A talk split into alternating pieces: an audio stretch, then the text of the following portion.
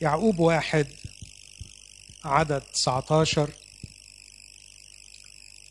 أو أقرأ من عدد 18 شاء فولدنا بكلمة الحق لكي نكون بكورة من خلائقه. إذا يا إخوتي الأحباء ليكن كل إنسان مسرعا في الاستماع مبطئا في التكلم مبطئا في الغضب. لأن غضب الإنسان لا يصنع بر الله. لذلك اطرحوا كل نجاسة وكثرة شر. فاقبلوا بوداعة الكلمة المغروسة القادرة أن تخلص نفوسكم. ولكن كونوا عاملين بالكلمة لا سامعين فقط خادعين نفوسكم.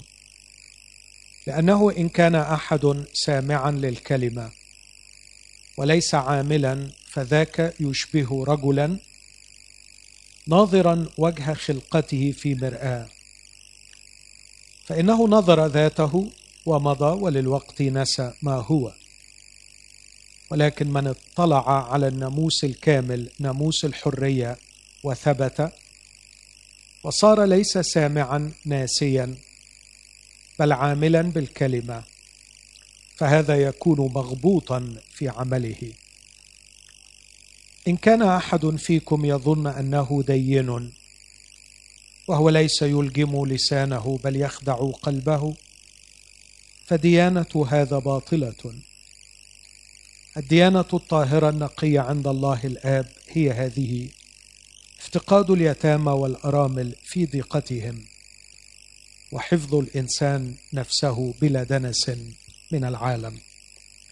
كمان أحب أقرأ من كورنثوس الثانية أصحاح ثلاثة العبارات المشهورة.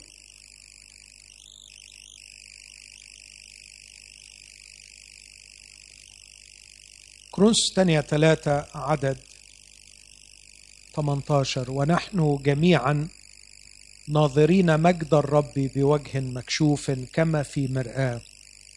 نتغير إلى تلك الصورة عينها من مجد إلى مجد كما من الرب الروح. آمين. لما قريت الأسئلة حسيت إنه التركيز هو على إنجاز لي أقول يعني كيفية السيطرة على الأولاد في وقت صعب وفي وقت ربما بنشعر إنه التحديات اللي بتقابل الأسرة قد تكون عند البعض أصعب من الماضي. وكمان العلاقات بين الزوج والزوجة. والفكرة اللي جات في ذهني اللي أشعر إن إحنا محتاجين إليها هي مسألة ما يمكن أن نسميه الكرامة. أو مش لاقي كلمة يعني عربية دقيقة الديجنتي الهيبة. ممكن نقول. نعم؟ لا مش الكبرياء. لا لا بالعكس خالص. الديجنتي الهيبة أو الكرامة. أعتقد أنه الكرامة أو الهيبة لا تمنح لكن تكتسب. ينبغي أن يكون عندي هيبة ينبغي أن يكون عندي كرامة. ينبغي أن يكون لي بلغة بسيطة لغة الكتاب المجد. الرسول هنا بيقول عن المؤمنين إن إحنا بنتغير من مجد إلى مجد. ففي حالة مجد. حالة مجد هنا مش بيتكلم عن مجد الله اللي هنروح له ولا مجد الله اللي بنشوفه. لكن مجد الله اللي إحنا بنعيشه وبنختبره. أعتقد انه الأولاد قادرين على التقاط هذه الكرامة قادرين على رؤية هذه الكرامة قادرين على التمييز أن هناك هيبة هناك كرامة. في يوم من الأيام يعقوب بعد عشرات السنين في موقف صعب مع لبان وشاف إن الله أكرمه في صراعه مع لبان فبيقول له تعبير غريب إنه لولا أن هيبة إسحاق أبي كانت معي. هيبة. فالأباء عندما يتمتعوا بالهيبة ولما أقول الأباء أقصد في كل الحديث النهارده بقصد الأباء أقصد الأب أو الأم. لما يكون الأباء عندهم الهيبة ليست الهيبة المصطنعة وليست الهيبة المفروضة بالقوة ليست الهيبة الناتجة عن التهديد والوعيد لكن هيبة طبيعية حقيقية. هذه الهيبة الطبيعية الحقيقية اللي المفروض أنها خارجة من الداخل نابعة من الداخل آه هتحل مشاكل كتير قوي هتخلي كلام الآباء موقر كلام الأباء محترم. حتى لو الأولاد ما طاعوهوش نتيجة العصيان والتمرد اللي موجود في الطبيعة لكن بيكون الكلام له تأثير يثمر ولو بعد حين. لأنه مرتبط في أذهانهم بكرامة أبويهم مرتبط في أذهانهم بأن الكلام ده جاي من أشخاص عاشوا هذه الحقيقة واختبروا هذه الحقيقة. وبيقدروا يميزوا إنه الكلام المضاد لهذا الكلام جاي من أشخاص لا يمتلك هذه الهيبة لا يمتلك هذا المجد لا يمتلك هذه الكرامة. ما يدعم الفكرة دي إنه لما الرب قصد إن بني إسرائيل يسمعوا لكلام موسى. أعطى لموسى من هيبته. فموسى لما نزل من الجبل وده الجزء اللي اقتبسه الرسول هنا كان جلد وجهه يلمع كان يعكس شيئا من مجد الرب أو هيبة الرب. آه والرب قال لموسى كلمة برضو مؤثرة. قال له أنا هاخد يشوع وأضع من هيبتك عليه علشان الشعب يسمع له زي ما استمع لك.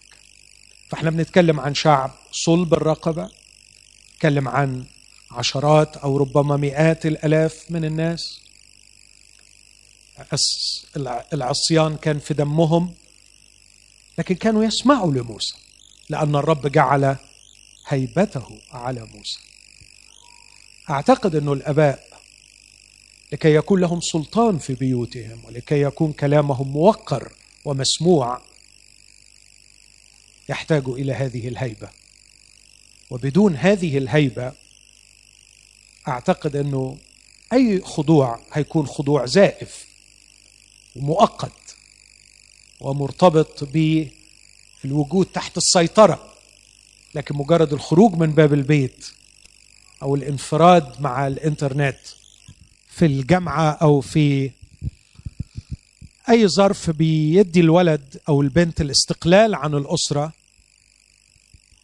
آه، ما بيكونش فيه أي نوع من الالتزام باللي هم تعودوا عليه بل بالعكس أنا شفت حالات بيكون فيها انتقام لأنه كانت الوصايا مفروضة عليهم فرضا فلما بيبقى عنده الفرصة إنه يتحرر بيعمل بإفراط العكس ويسير في الطريق المضاد. النقطة دي اللي عايز أوضحها إنه الهيبة مهمة للطاعة والرب أعطى الهيبة لخدامه اللي كان عايزهم يكونوا بيسمع لهم والرب أعطى الأباء الهيبة زي ما يعقوب شهد عن أبيه إسحاق. والرب أوصى المرأة أن تهب الرجل بمعنى أن تعطيه هذه الهيبة. والواقع العملي بيقول إن الأولاد اللي أبائهم لهم هيبة في بيوتهم بي مش بس بيطيعوهم لكن حتى لو ابتعدوا عنهم بتظل كلمة الله التي قيلت لهم لها تأثير قوي في حياتهم. أتذكر شيء شخصي. والدي ما كانش راجل يعني فيلسوف ولا عظيم العلم كان راجل بسيط جدا. وكان ما يعرفش كتير عن اللي إحنا بنعيشه وبنعمله. وكان أخويا الصغير بعيد عن الرب تماما. وفي وقت من الأوقات ابتعد كثيرا في طريق الإلحاد. لكن ما انساش في مرة قال لي عبارة اتحفرت جوايا. قال لي يا أخي حاجة غريبة جدا.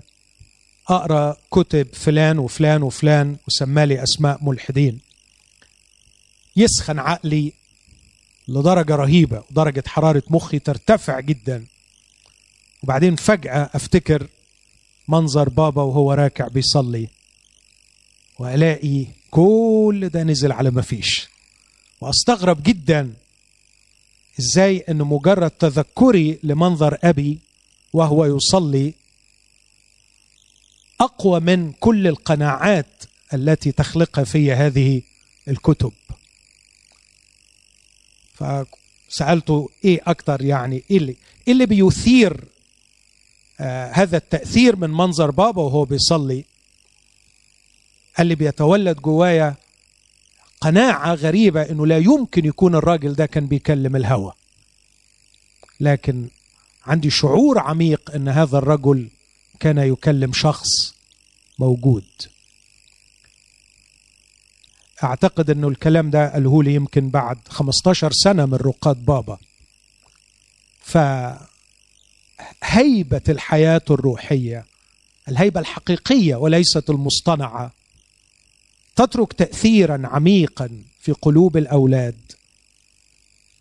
تجعلهم يطيعون كلمة الله المقدمة لهم من الأباء.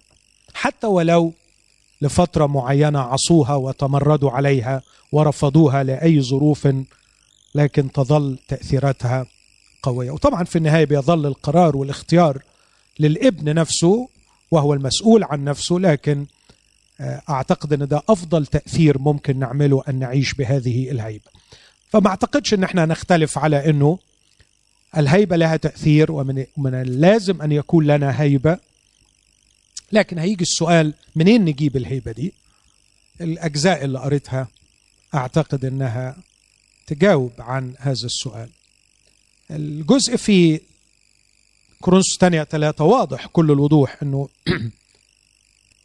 الإدراك إنه لنا هذا الحق إدراك أهمية هذا الأمر أن الحياة المسيحية ليست عقائد ليست تعاليم لكن الحياة المسيحية كاركتر الحياة المسيحية شخصية الحياة المسيحية كينونة داخلية تتغير من مجد إلى مجد إلى تلك الصورة عيناه. فلا يقيم المسيحي ابدا ابدا بما يعرف ولا يقيم المسيحي ابدا بما يفعل لكن يقيم المسيحي بما يكون. من يكون؟ الله عندما اخترق التاريخ البشري وأعلن عن ذاته في التاريخ البشري أعلن من خلال شخص يأكل ويشرب ويبكي ويتحرك ويتكلم ويعيش ويحزن ويفرح شخص يعيش. وكان هذا الشخص العائش هو إعلان الله هو كلمة الله هو حق الله. عشان كده يقول أنا هو الطريق والحق. فإذا أردت أن تمسك بالحق أنت تمسك بشخص شخص. بيقعد بيقف بينام بيقوم بيبكي بيحزن بيفرح. وفي كل ما يفعله كان إعلان الله. فيسوع لم يكن إعلان الله من خلال نصوص أملاها على التلاميذ لكن يسوع كان إعلان الله من خلال الحياة التي عاشها. ده ده الفكر الأساسي في المسيحية واللي المفروض إن إحنا نتبناه إنه المسيحية هي إني أكون وليس مجرد أعرف أو أفعل لكن أكون. أكيد هتيجي معرفة وأكيد هيجي فعل لكنه مرتبط ومعتمد ونابع ويقوم ويبنى على ما أكونه. ده موضوع كروس ثانية ثلاثة إهمال هذا الأمر لن يأتي بالهيبة. لكن أكون مقتنع أن أهم حاجة هي شخصيتي. شخصيتي. أهم حاجة شخصيتي فعلا. مش معرفتي. ولا خدمتي. شخصيتي أنا إيه؟ إذا ده ما سيطرش عليا وبقيت اوبسيست بيه مشغول بيه مش هيجي بالصدفة مش هيجي لوحده مش هيجي تلقائي لازم يكون موضوع شغلني إني عايز أتغير عايز أكون وعايز أتغير مش للأحسن لا عايز أتغير من مجد إلى مجد والمقصود بالمجد تلك الصورة عينها صورة الرب يسوع. ده ال target أو الهدف النهائي. ال mechanism أو التفاصيل والطريقة يمكن أوضح في يعقوب واحد تدي تفاصيل أكثر جميلة آه، من خلال التعامل مع الكلمة المقدسة كلمة الله. بدأ الرسول بأنه يقول ويعقوب رسول لأنه رأى الرب يسوع بيقول في واحد 18 شاء فولدنا بكلمة الحق واعتقد انه ياخذنا لكورنثوس الثانية ثلاثة لما يقول لكي نكون بكوره من خلائقه. الله مش يسيب العالم في الوضع السيء اللي هو فيه ده. لكن الله هيعمل خليقة جديدة. سماء جديدة وأرض جديدة وأجساد جديدة. وهيقول الجالس على العرش كل شيء هيبقى جديد. بس الجميل جدا إنه بدأ مشروع التجديد بشخصياتنا إحنا لنكون بكورة من خلائقه. فيبص من فوق ويلاقي الأب ويلاقي الأم في مجد في شكل جديد. ده فكر الله. شاء فولدنا بكلمة الحق لكي نكون بكورة من خلائقه. وبما أننا ولدنا بكلمة الحق لكي يبدأ الله بنا مشروع تجديد الخليقة ونكون نحن البكورة.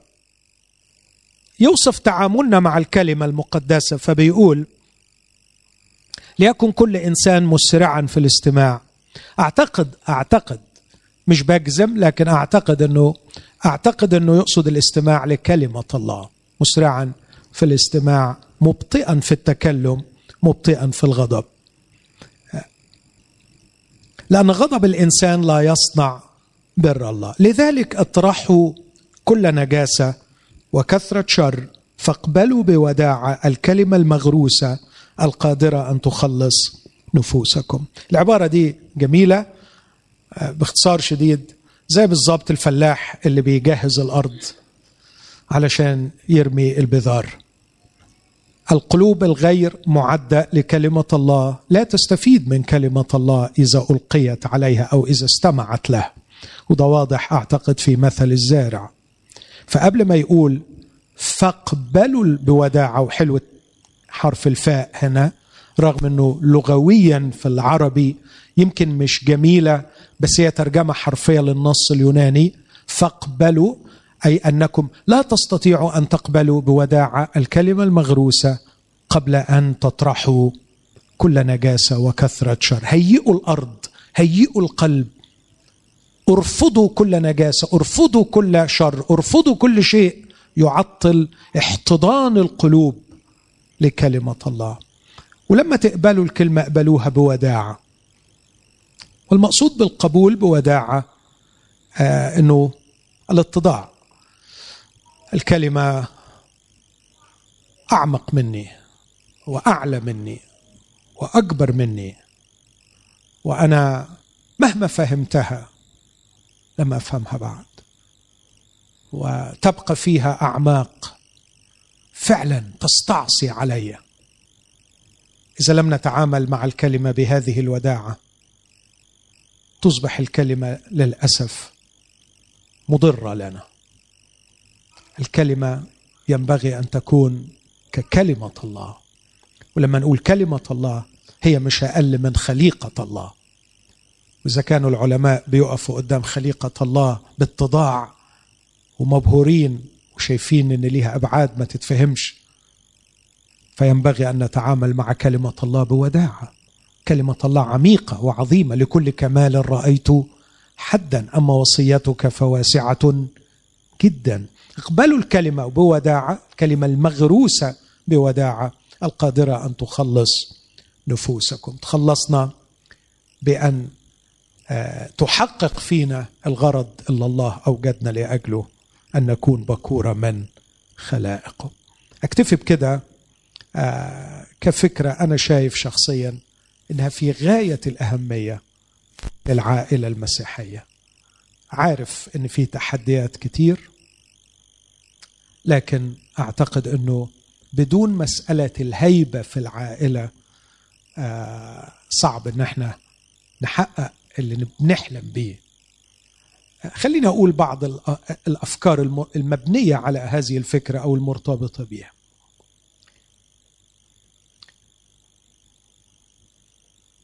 لا أمل في أن يسمع أولادنا لنصائحنا. ويتفاعلوا معها تفاعلا صحيحا إذا لم يكونوا مقتنعين. إذا لم يكونوا آه، مصدقين اللي إحنا بنقوله. صعب. أو ربما مستحيل. ومن الصعب جدا إنك تقنع حد بشيء أنت مش مقتنع به. فلا بد انك تكون مقتنع به ومش بس مقتنع به لكن مقتنع به وعايشه. فلما بقتنع بالشيء وبعيشه ده بيكون ليه تأثيره على أولادنا. أعرف أب مسيحي كان حزين على ابنه وبيقول له يا ابني أنا متألم عليك لأنك مش بتحب الرب. فالولد قال له عبارة أثرت في هذا الأب جدا. قال له بابا أنا إزاي أحبه وأنا ما اعرفوش أنت بتحبه لأنك تعرفه لكن أنا ما اعرفوش فإزاي أحبه؟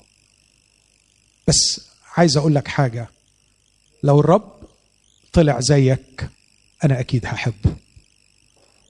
أعتقد إنه هذا الأب أنجز أكثر من نص المشوار. إنه عاش صورة الرب أمام الابن. فالابن صحيح كان لسه معرفش الرب وبالتالي ما حبش الرب لكن قال له لو في الآخر الرب طلع زيك أنا هحبه. هذه هي مسؤولياتنا أن نعيش أن نقتنع بما ننادي به أن نقتنع ونصدق للنخاع ما نحن نؤمن به وبالتالي تلقائيا نعيشه وأولادنا يلاحظوا ويشوفوا. من الناحية العلمية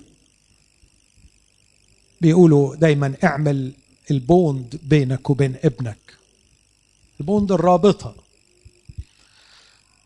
وعلى هذه ال bond بتتزحلق قناعاتك ليه وعلى هذه البوند بتتزحلق آلامه إليك.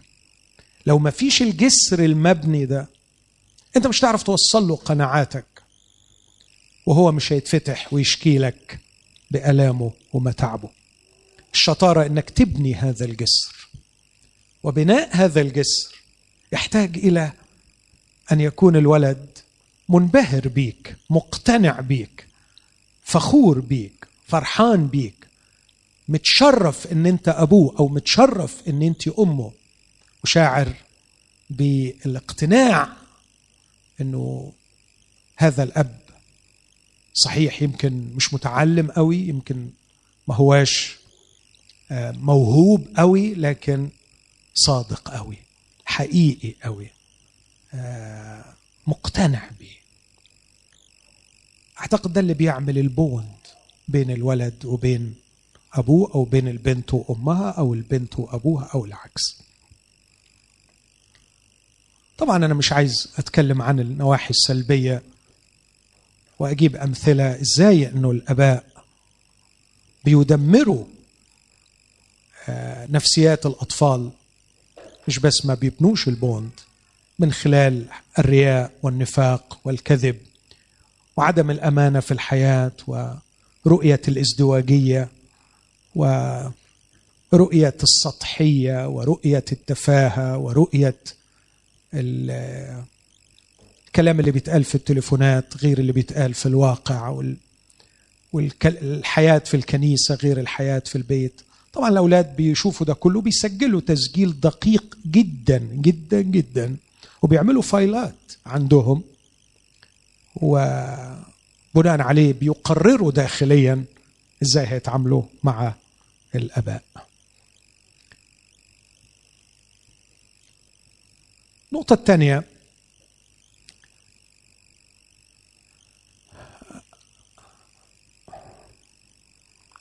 أبص في الأسئلة بس علشان ما أسيبش حاجة.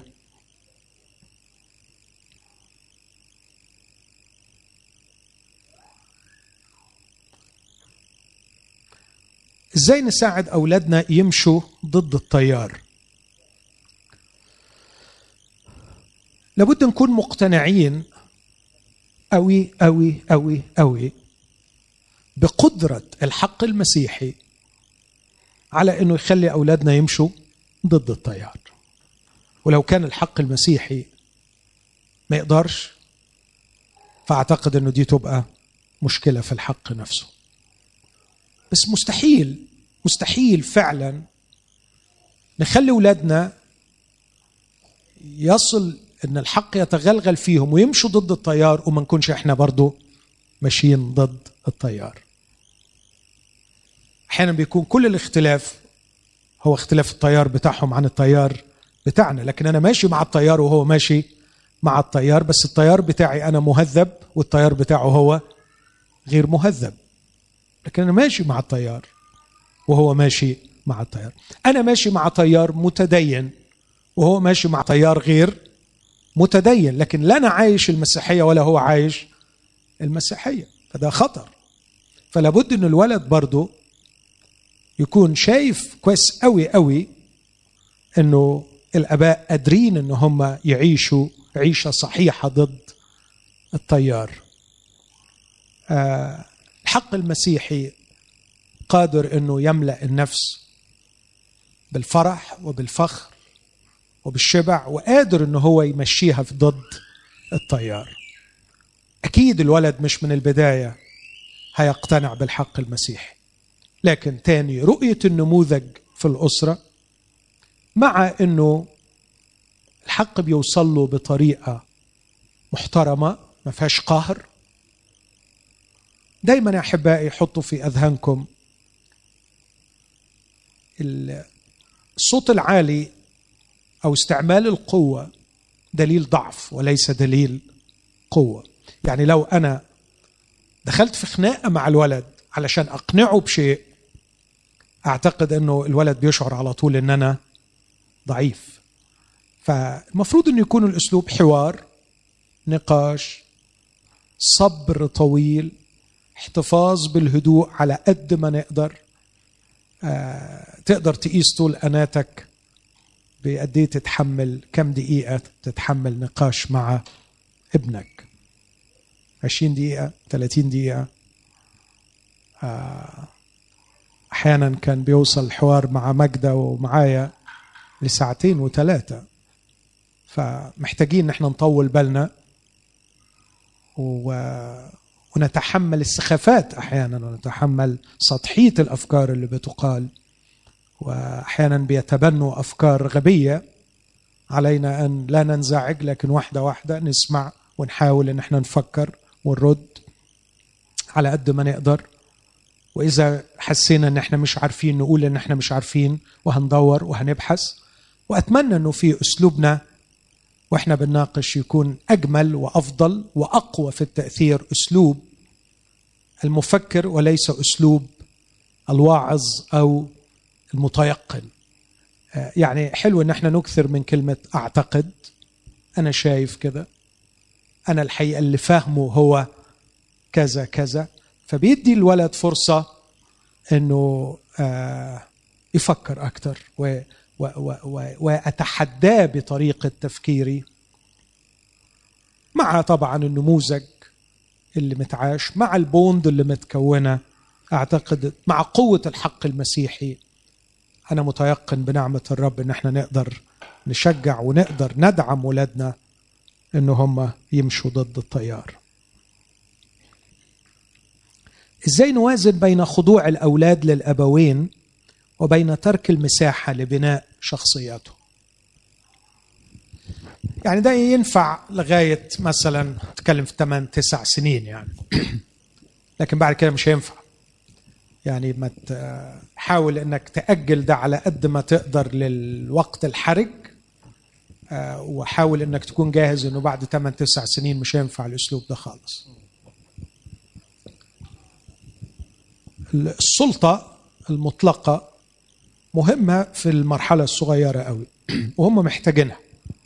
يعني هو محتاج إنه بابا وماما يكون لي سلطة مطلقة. وأحيانا بيتحدى هذه السلطة علشان يطمئن إنها موجودة مش لأنه عايز يلغيها لكن هو عايز يطمن إن السلطة دي موجودة فبيتحداها عشان يتأكد إنها موجودة.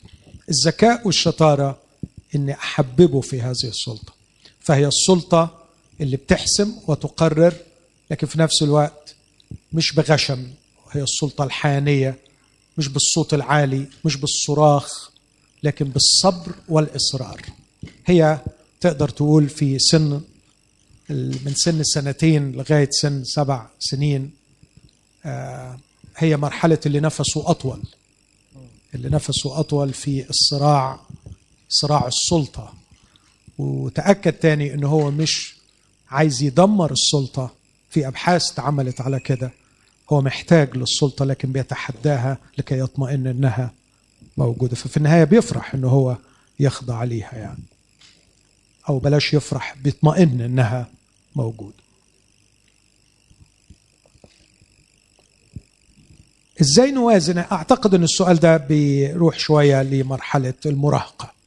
من 12 ل 20 اللي هي مرحلة بناء بيسميها إريك إريكسون. بناء الهوية الايدنتيتي وللأسف الشديد في مصر وفي العالم العربي بصفة عامة الشباب بيطلع دايما بأزمة هوية حادة بسبب عدم ترك مساحة من الأهل للأولاد لما يسمى تجريب البدائل. تجريب البدائل. لا يمكن أن تتكون الهوية في وجود اختيار واحد. لابد أن تكون هناك مساحة لتجريب البدائل. وتجريب البدائل بيقولوا في أمرين مهمين قوي في الأيديولوجي أو في العقائد اللي يتبناها الشخص ومن الناحيه الثانية في اختيار الوظيفة. لابد انه يكون عند الولد طمأنينة انه الوظيفة لن تفرض عليه انه الشغل اللي هيشتغله مش حاجة الاهل already حددوها وحتموها عليه. وكمان من الناحيه الثانية الشطارة إنه أنا أنا مقتنع للنخاع إنه الحق المسيحي هو الحق بالألف واللام وما عداه ليس بحق. لكن في نفس الوقت أكون بقدمه له بطريقة قرنه ببقية الأفكار. قرنه ببقية الأفكار. حاول إنك تقابله. شوف إيه تميزه؟ أعتقد أن ده آه، يساعده على إنه يكون بيبني الايدنتيتي أو بيبني الهوية بتاعته من غير ما يكون بيضل أو بتتحطم الهوية ويظل بقناعات عند أول فرصة يرفضها أو ممكن ما يرفضهاش بس الحقيقة آه، بيعيش هوية بيسموها هوية مرهونة. إنه رهن هويته للعقيدة علشان يأمن نفسه من قلق البحث عن الحقيقة. آه، لكن ما بيبقاش عايش الكلام ده جواه. لكن بيبقى مطمئن إنه منتمي لهذه العقيدة عشان ما عنديش دماغ أدور على بديل ومش عايز وجع قلب فهي عقيدة واتجربت والناس بيقولوا كويسة فهو منتمي إليها لكن في داخله ما بيكونش مقتنع فهو بس واخد منها الإشباع النفسي الانتماء بيسموها هوية مرهونة. رهن هويته لهذه الجماعة أو لهذه العقيدة ولم يبحث عن هويته الشخصية ويكون قناعاته الشخصية.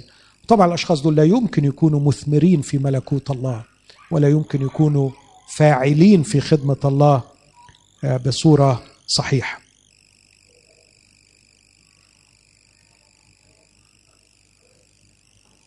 موضوع الخلافات بين الأزواج وكيفية تصفية النفوس مع بعض. وما يكونش في شيء داخل أي شخص ناحية الآخر. يعني لا أعتقد إنه هنوصل ليوم يكون في هذا الوضع المثالي جدا جدا جدا جدا يعني. يعني الحياة آه، صباح ومساء وصيف وشتاء. التغير مستمر فما تتضايقوش ما تنزعجوش. إذا كان أحيانا يبقى في شيء لكن علينا أن يكون لدينا إصرار أن لا يستمر. وأن نصل فعلا إلى هذه الحالة من الصفاء والراحة والسلام. ويكون ده تارجت باستمرار بنجاهد من أجله. لكن إذا حصل إنه تاني تعكر الصف دي طبيعة الحياة فما نفشلش. لكن ما نفقدش ثقتنا بعضنا في بعض وما نفقدش ثقتنا في مشروع الزواج العظيم اللي الرب أقامه وما نفقدش ثقتنا في عمل روح الله فينا اللي يقدر يرجعنا تاني. زي بالظبط حياتنا مع الرب. إحنا حياتنا مع الرب مش ماشية على وتيرة واحدة. مع إنه أنا متأكد إن الرب أحسن من أي حد فينا لكن إحنا مش معمرين مع أحسن واحد. فيعني مش غريبه ان إحنا مرات ما نعمرش مع بعض لكن زي ما الرب بيرجع تاني وبنصلح طرقنا مع الرب والرب بيسترد نفوسنا وبيرجع العلاقة تاني فأعتقد إنه ده برضه بيحصل بينا. بس علينا نكون مش كل مرة بنعيد تقييم شريك الحياة ونعيد تقييم الجوازة نفسها. لا خلاص. يعني آه لقد ارتبطنا وهذا بحسب مشيئة الله وقطعنا العهد أمام الله. اللي جاي كله هو هنكبر هنكبر وهنتغير وهنكبر وهنتغير وهنفهم بعض أكتر وهنحب بعض أكتر و... ولما أتغير أكتر هنضج أكتر وهحب أكتر وأكون أمين أكتر. في سؤال غريب شوية كيفية توصيل الحقائق الجنسية لأولادنا بأسلوب كتابي ومفاهيم بسيطة؟ لما قريت السؤال ده قلت بالظبط زي اللي بيسأل كيف أشرح الجهاز الهضمي بأسلوب كتابي. الحياة الجنسية ده, ده شيء علمي مش كده؟ فأنا مش بشرح لابني الجهاز الدوري ولا الجهاز التنفسي من كلمة الله. لكن أعتقد أن إحنا بنحتاج إلى بعض القراءات العلمية وده مهم. وأميل أنه يكون الأسلوب متدرج جدا جدا جدا. مش صدمة واحدة مش مرة واحدة ويكون متناغب مع ما يحصله الولد أو البنت من المدرسة ومن الأصدقاء.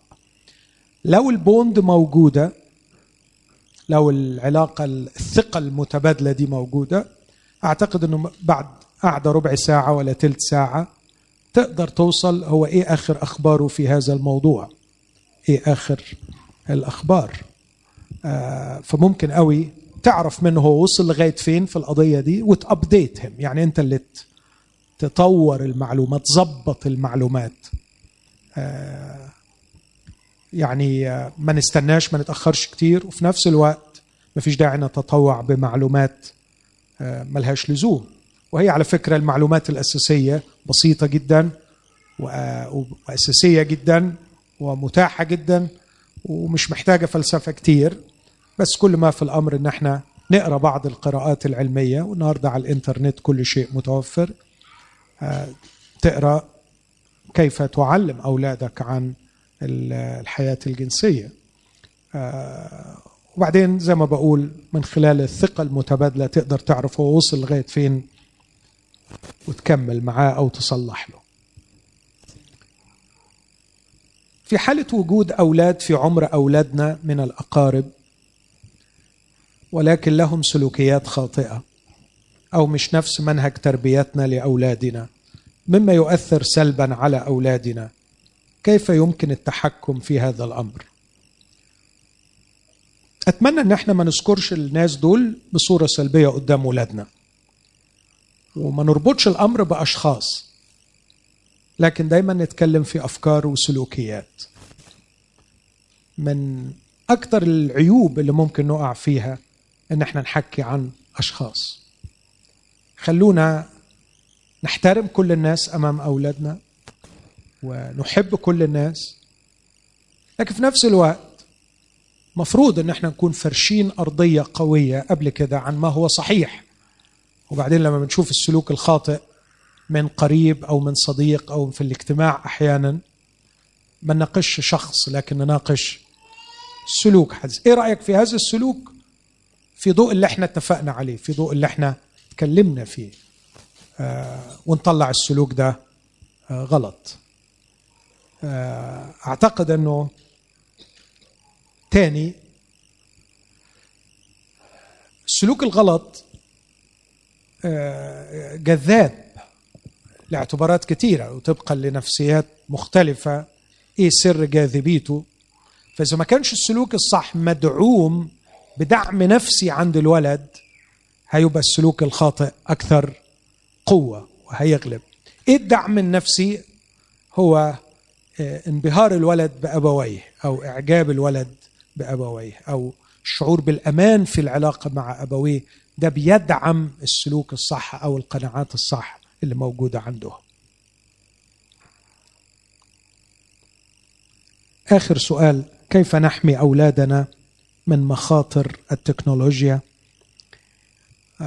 المقصود طبعا بمخاطر التكنولوجيا أعتقد أنها تتمثل في مواقع الإباحية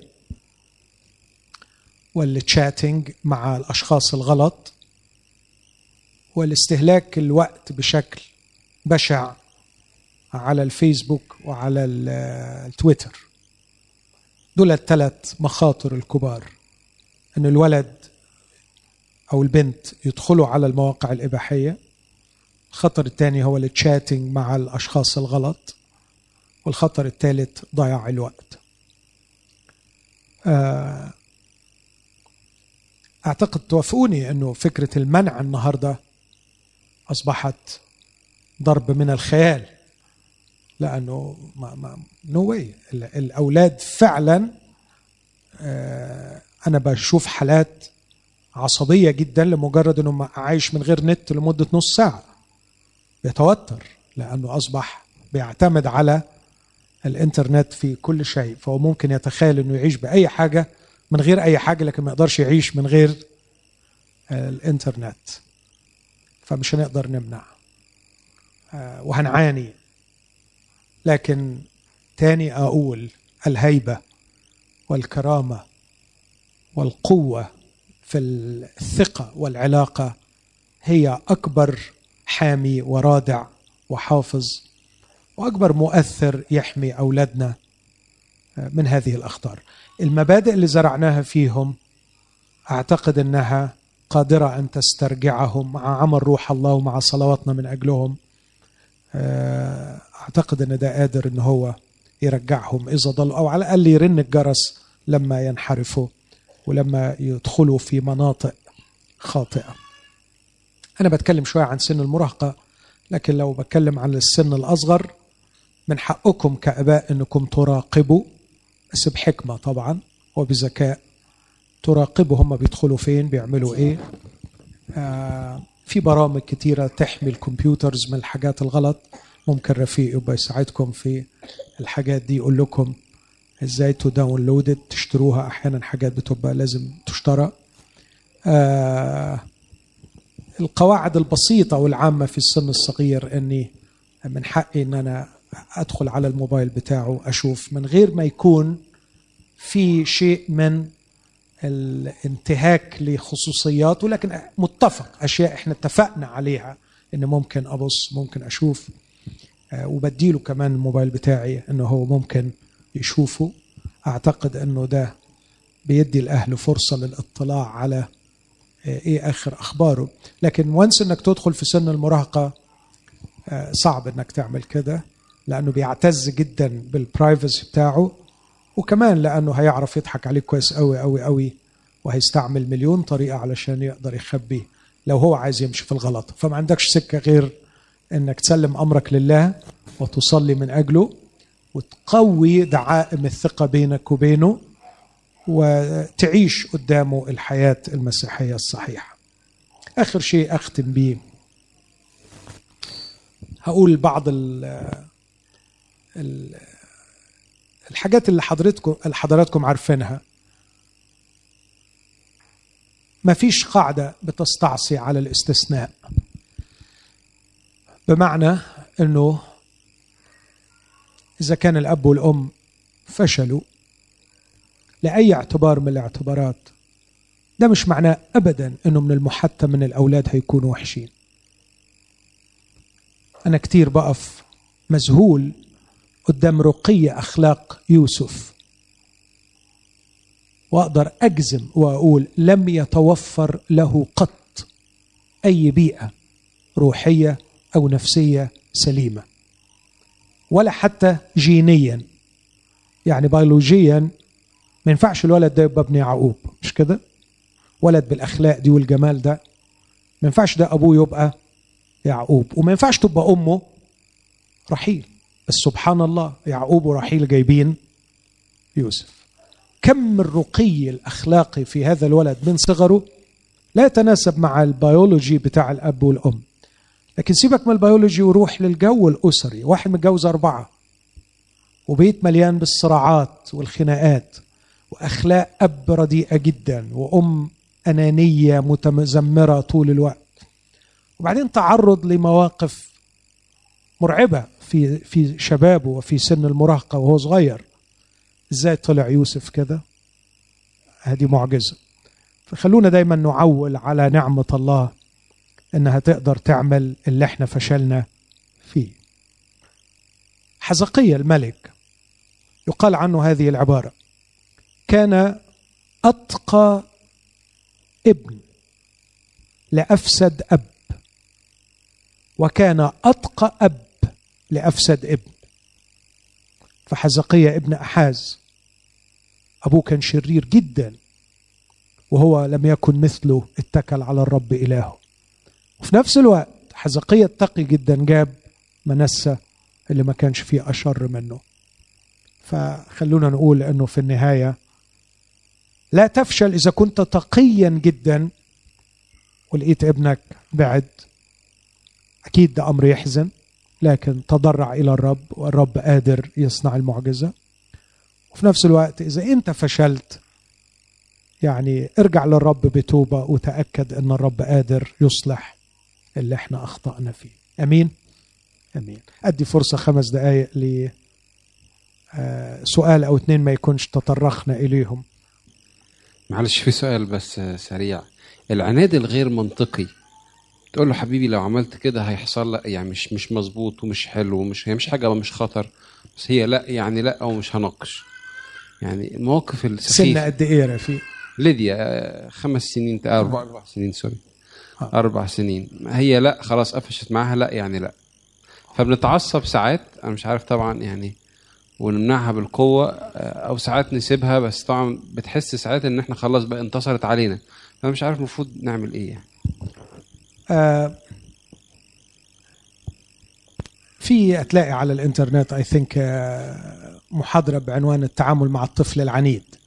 فممكن تلاقيها وتسمعها. آه، إحنا بنحب نسمي الطفل العنيد strong-willed child يعني طفل ذو إرادة قوية. ودي نعمة. يعني أنت بعد شوية هتيجي تسأل وتقول إزاي ابني يمشي ضد التيار مش كده؟ تخيل لو ما عندوش الإرادة القوية هيبقى مستحيل إنه يمشي ضد التيار فالإرادة القوية نعمة مش المفروض إن إحنا نكسرها أو نلغيها لكن نهذبها والذكاء هنا إزاي تلاقي الطريقة اللي تخليه يعمل ويستعمل إرادته القوية في إنه يعمل اللي أنت عايزه. في حاجات هتقدر تنجح فيها ودي على فكرة بيقولوها حتى عن القادة الناجحين الكبار إزاي يخلي الناس يعملوا اللي هو عايزه وهم مقتنعين تماما إن هم بيعملوا إرادتهم الشخصية. ففي حاجات تقدر تصلي وتطلب من ربنا حكمة وذكاء وابتكار. وعلى حس آه، الصراعات مع ليديا تلاقي روحك انت بتكتسب خبرات آه، جديدة في كيفية التعامل مع المواقف المختلفة. الامر الثاني آه. اتفضل. لا سوري كنت عايز أقول يعني آه، آه، لأي مدى تنازل عن القرار أو آه ما, ما أنا أقول يعني هم أصله هي حزمة من المواقف مش موقف واحد. فأنت آه، يعني هتستعمل أكتر من حاجة. الجزء الأول اللي هو ده إنك تحاول تطور طرق بيها تخليها تعمل اللي أنت عايزه وهي مقتنعة إنها بتعمل إرادتها الشخصية. أدي أمثلة ولا ولا ممكن آه، مثل سريع؟ آه، يعني آه، أنا مقتنع ان إن هي عايزة تلبس الفستان الأبيض أو عايزة تلبس الشوز الفلانية. آه مفيش داعي ابدا ابدا آه إن أنا أتربس على الحاجة العكسية. الموضوع ما, ما يفرقش. يعني يعني خلينا نتنازل عن الأشياء اللي ما فيهاش أي ضرر ما فيهاش أي مشكلة واللي في نفس الوقت بتشبع عنده إحساسه بإن هو نفذ إرادته القوية. آه في موضوع الأكل مثلا أنا عارف كويس جدا إن هو مش عايز ياكل دلوقتي. آه، فممكن قبليها بساعة. تحب تاكل دلوقتي؟ لا. أنا مع أنا مش جاهز دلوقتي. بس يعني آه، اديته فرصة إن هو هياكل بعد شوية وفي نفس الوقت آه، أنا أنا مرتاح إن هو ياكل بعد شوية. يعني عايزه شوية تفكير وذكاء إزاي آه، آخد ودي معاه. يعني الكتاب يقول عن الله إنه مع الأعوج تكون ملتوية. فأنا مش بقول لك خليك ملتوي معها لكن بقول لك خليك ذكي انف إنك تقدر توصلها تعمل اللي انت عايزه وهي مقتنعة انها بتعمل اللي هي عايزة. بس ده مش هيحل كل المشاكل. ده جزء. هيجي جزء تاني بيبقى فيه تحدي سافر آه، لإرادتك في حاجة خطر. وزي ما قلت من شوية لديدي إنه بيكون آه، رغبة في آه، الطمأنينة إن السلطة دي موجودة. ما, ما تخافش من كده. ده مش معناه تمرد عليك ولا يعني كره ليك. لكن هي فعلا عايز تطمئن إن السلطة موجودة وفي نفس الوقت طلع لها عضو جديد اللي هو الإرادة عايزة تختبر قوته عايزة تشوف ده فعلا ممكن يخلق تأثير في العالم الواقع المحيط بيها ولا لأ. فأنا بعلمها إن إرادتك دي فاعلة وتنجز فعلا ودي مهمة واستعمليها. بس في مواقف تانية إرادتك دي مش مطلقة. في حد أقوى منك وأكبر منك هيوقفها. فبتصر على إنه لأ يعني لأ. ففي مواقف هتعمل فيها كده. بس دي أجلها للحاجات اللي تشعر إن فيها آه، خطر يعني عليها. آه، ممكن تستعمل برضو لو سمعت المحاضرة بتاعت العقاب بعض الأدوات اللي تقوي من موقفك شوية. اتفضل يا ناس. هي ثلاث سنين ونص. هي بتخاف بشكل فظيع. يعني هي لا يمكن تقعد في أوضة غير غير الأوضة اللي أنا قاعدة فيها. لما بتنام بالليل لازم أحضنها ما ينفعش أ- أنام حتى جنبها كده. فمثلا ممكن نقعد ساعة بنحاول ننام بالليل لو سحبت إيدي في أي لحظة تصحى على طول. فده بيجي على حساب مثلا إنه مثلا بيتر داخل الساعة تسعة ونص أنا محتاجة أقعد أتكلم معاه شوية محتاجين نتناقش في حاجات شوية طبعا مستحيل. ممكن نقعد بالأسابيع أنا وبيتر almost ما بنشوفش بعض لمجرد إنه ايميلي عايزاني لازقة فيها. فأنا مش عارفة يعني هو أنا المفروض أتعامل مع الخوف ده بأنهي طريقة؟ وفي نفس الوقت أعمل بالانس بحيث إن أنا يعني يعني مش معقولة نقعد بالأسبوع مش عارفين نخلص مواضيع أو نتكلم في حاجات لمجرد إن هي مش عايزاني أسحب إيديا من تحت راسها. أعتقد هو ده بالظبط الفطام. يعني حضرتك فطمتيها عن اللبن فيزيكالي لكن محتاجة إنك تعملي الفطام النفسي والفطام النفسي بيمر بمراحل مختلفة. لكن في المرحلة اللي انت فيها دي محتاجة بقوة انك تعملي الفطام. وتطبقي نفس القواعد بتاعه الفطام. ال- النومة في حضنك والقعدة معاكي حلو ولا مش حلو بالنسبة لها؟ شيء حلو. ممتع ولا مش ممتع؟ ممتع جدا. ليه تستغنى عنه؟ تبقى غبية لو استغنت عنه. مش كده؟ فهي ليه تستغنى عنه؟ وبعدين بتعرف تجيبه. مجرد انها تصرخ انت بتخضعي. فليه ما تجيبهوش؟ يعني شيء ممتع جدا وبيجي بر- برخص التراب. فع- فعليك إنك تمارسي الفطام التدريج آه، واحدة واحدة والإصرار. هيجيب نتيجة ما تقلقيش. بس لازم توجهها بالحقيقة دي إنه ده مش هينفع ومش هيستمر. أنا بشكركم جدا على حسن على مجيئكم أولا وعلى حسن استماعكم. وأصلي أن الرب يديكم فعلا ما ننساش الدرس الأول الهيبة. تكون هيبة الآباء زي ما يعقوب قال هيبة أبي إسحاق. الهيبة الناتجة من محضر الله والناتجة من الشركة مع ربنا. هي أقوى مؤثر يترك انطباعات في حياة الأولاد. بعد 40 سنة يفتكروها بعد 50 سنة يفتكروها وممكن تغير حياتهم وتغير طرقهم. آه ويبقوا مقتنعين وأنا سمعت كتير شباب بعيد عن الله آه لكن يقول أنا مقتنع أنه في النهاية لا يصح إلا الصحيح وأنا عارف أن أنا هرجع لربنا لأنه عاش في بيت رأى فيه النموذج الإلهي الحقيقي. فالرب يدينا نعمة كل ما عشنا حياة التقوى وعشنا في محضر الله إحنا بنترك أعظم ميراث لأولادنا بنترك ليهم هيبة تظل تلاحقهم وتحفظهم وتحميهم حتى إذا شابوا لا تنسى هذه التأثيرات. أمين؟ صلي. يا ربنا الحبيب يسوع اشكرك لأنك راعي نفوسنا وأسقفها. اشكرك لأنك أعطيتنا بيوتا بنيت لنا بيوت وأعطيتنا عائلات. أشكرك لأنك أكرمتنا يا رب بأن نعيش خطة الفداء الإلهي والقصد الإلهي أن نمثلك ونحمل حضورك في هذا العالم. أشكرك لأجل أولادنا اللي نرجو إنك تعطينا حكمة فعلا لكي ما نترك لهم حضورك ونترك لهم هيبتك. أصلي من أجل أحبائي هنا أباء وأمهات. أصلي من أجل أزواج وزوجات. أتضرع إليك يا رب أن يكون سياجك الإلهي حولهم زي ما اختبر أيوب وحتى إبليس شاهد أنك سيجت حوله وحول بيته وحول كل ما له من كل ناحية. لتعطنا يا رب هذه العطية هذه النعمة أن يكون سياجك الإلهي حولنا وحول بيوتنا. أصلي أبانا حفظا للأولاد في هذا العالم. الشرير الصعب لكن في نفس الوقت أنت علمتنا أن الذي فينا أعظم من الذي في العالم. في اسم المسيح يا أبي اسمع واستجب. آمين.